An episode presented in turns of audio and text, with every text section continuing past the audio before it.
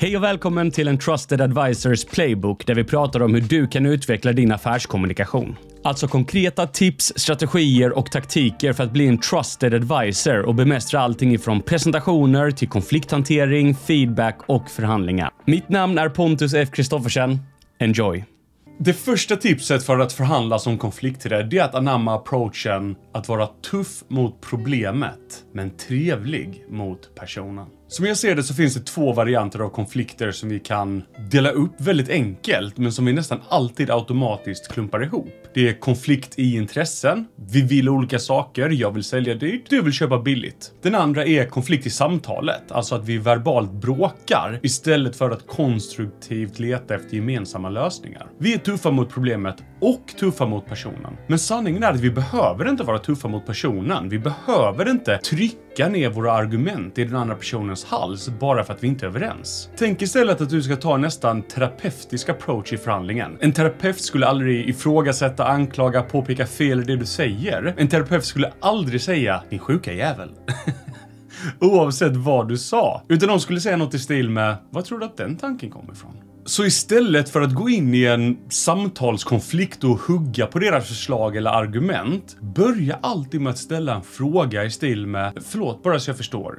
Hur kom du fram till det? För det kommer leda till ett mycket behagligare samtalsklimat och du kommer öka sannolikheten att lyckas påverka personen du pratar med. Det andra tipset för att förhandla som konflikträdd är att börja säga nej utan att säga nej. Vi kan tydligt visa att vi inte går med på något utan att låtsas som att vi blir upprörda eller förvånade. Vi behöver inte sätta ner foten eller banka handen i bordet och säga nej. Utan du kan enkelt göra det med en ödmjuk ton och en neutral formulering. Eh, här kommer ett par exempel. Jag är ledsen, men, eh, men det funkar inte för mig. Jag kommer inte kunna få igenom det, men jag tror jag kan få till... Förlåt bara så jag förstår. Hur landade du på just det? Lägg märke till att det du säger är detsamma. Du går inte med på det, men tonen är mycket trevligare. Det tredje tipset för att förhandla som konflikträdd är att göra motparten bekväm med att säga nej. Och det här gäller inte alla typer av förhandlingar egentligen, men det gäller de förhandlingar där det finns tydliga andra alternativ som den andra personen skulle kunna välja istället för dig och ditt förslag, vilket om vi är ärliga är de allra flesta. Och jag gissar att nu tänker du något i stil med, får de att bli bekväma att säga nej? Det är ju precis motsatsen mot det jag vill. Och så är det ju, men låt mig berätta varför det här är viktigt.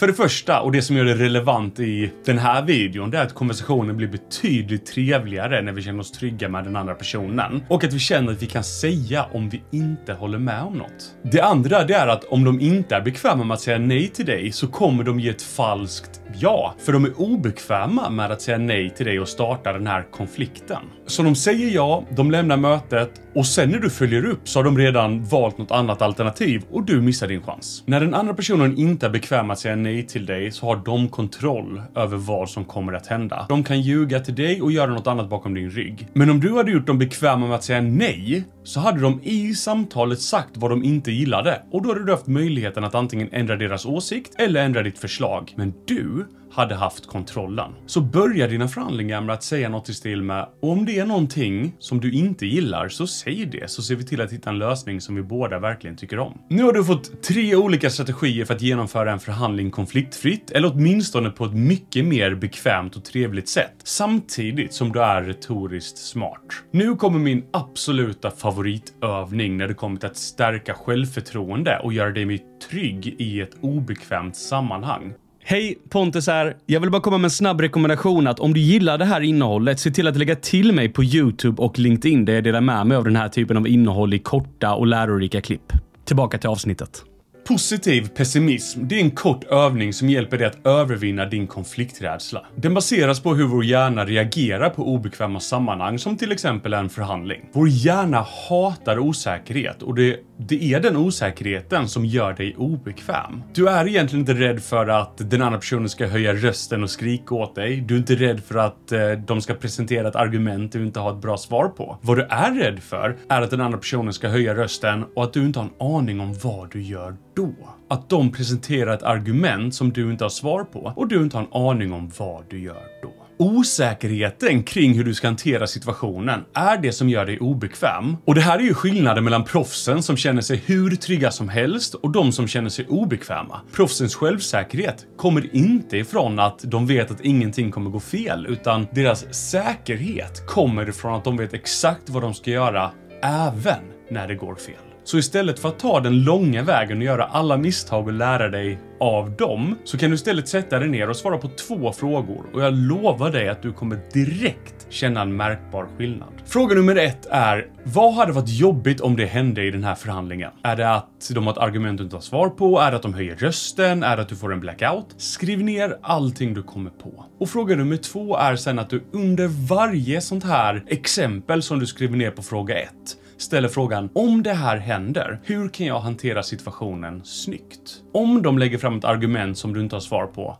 vad gör du då? Om de höjer rösten, vad gör du då? Om du får en blackout, vad gör du då? När du har svarat på de här frågorna så kommer du märka något spännande. Nästa gång din konflikträdsla dyker upp och alla de här mardrömsscenarierna börjar poppa upp i ditt huvud. Tänk så händer det här, tänk så händer det här, tänk så händer det här. Så kommer din hjärna automatiskt hoppa ur den här negativa spiralen och tänka, men det är ju lugnt, för då gör jag bara så här. När du har svar på vad du gör om något händer så slutar du tycka att den tanken är jobbig. Du har tagit bort osäkerheten från situationen och utan osäkerhet ingen obekväm känsla. Ge den här övningen 30 minuter och jag lovar dig att du kommer tacka dig själv efteråt. Så det var allt för det här avsnittet.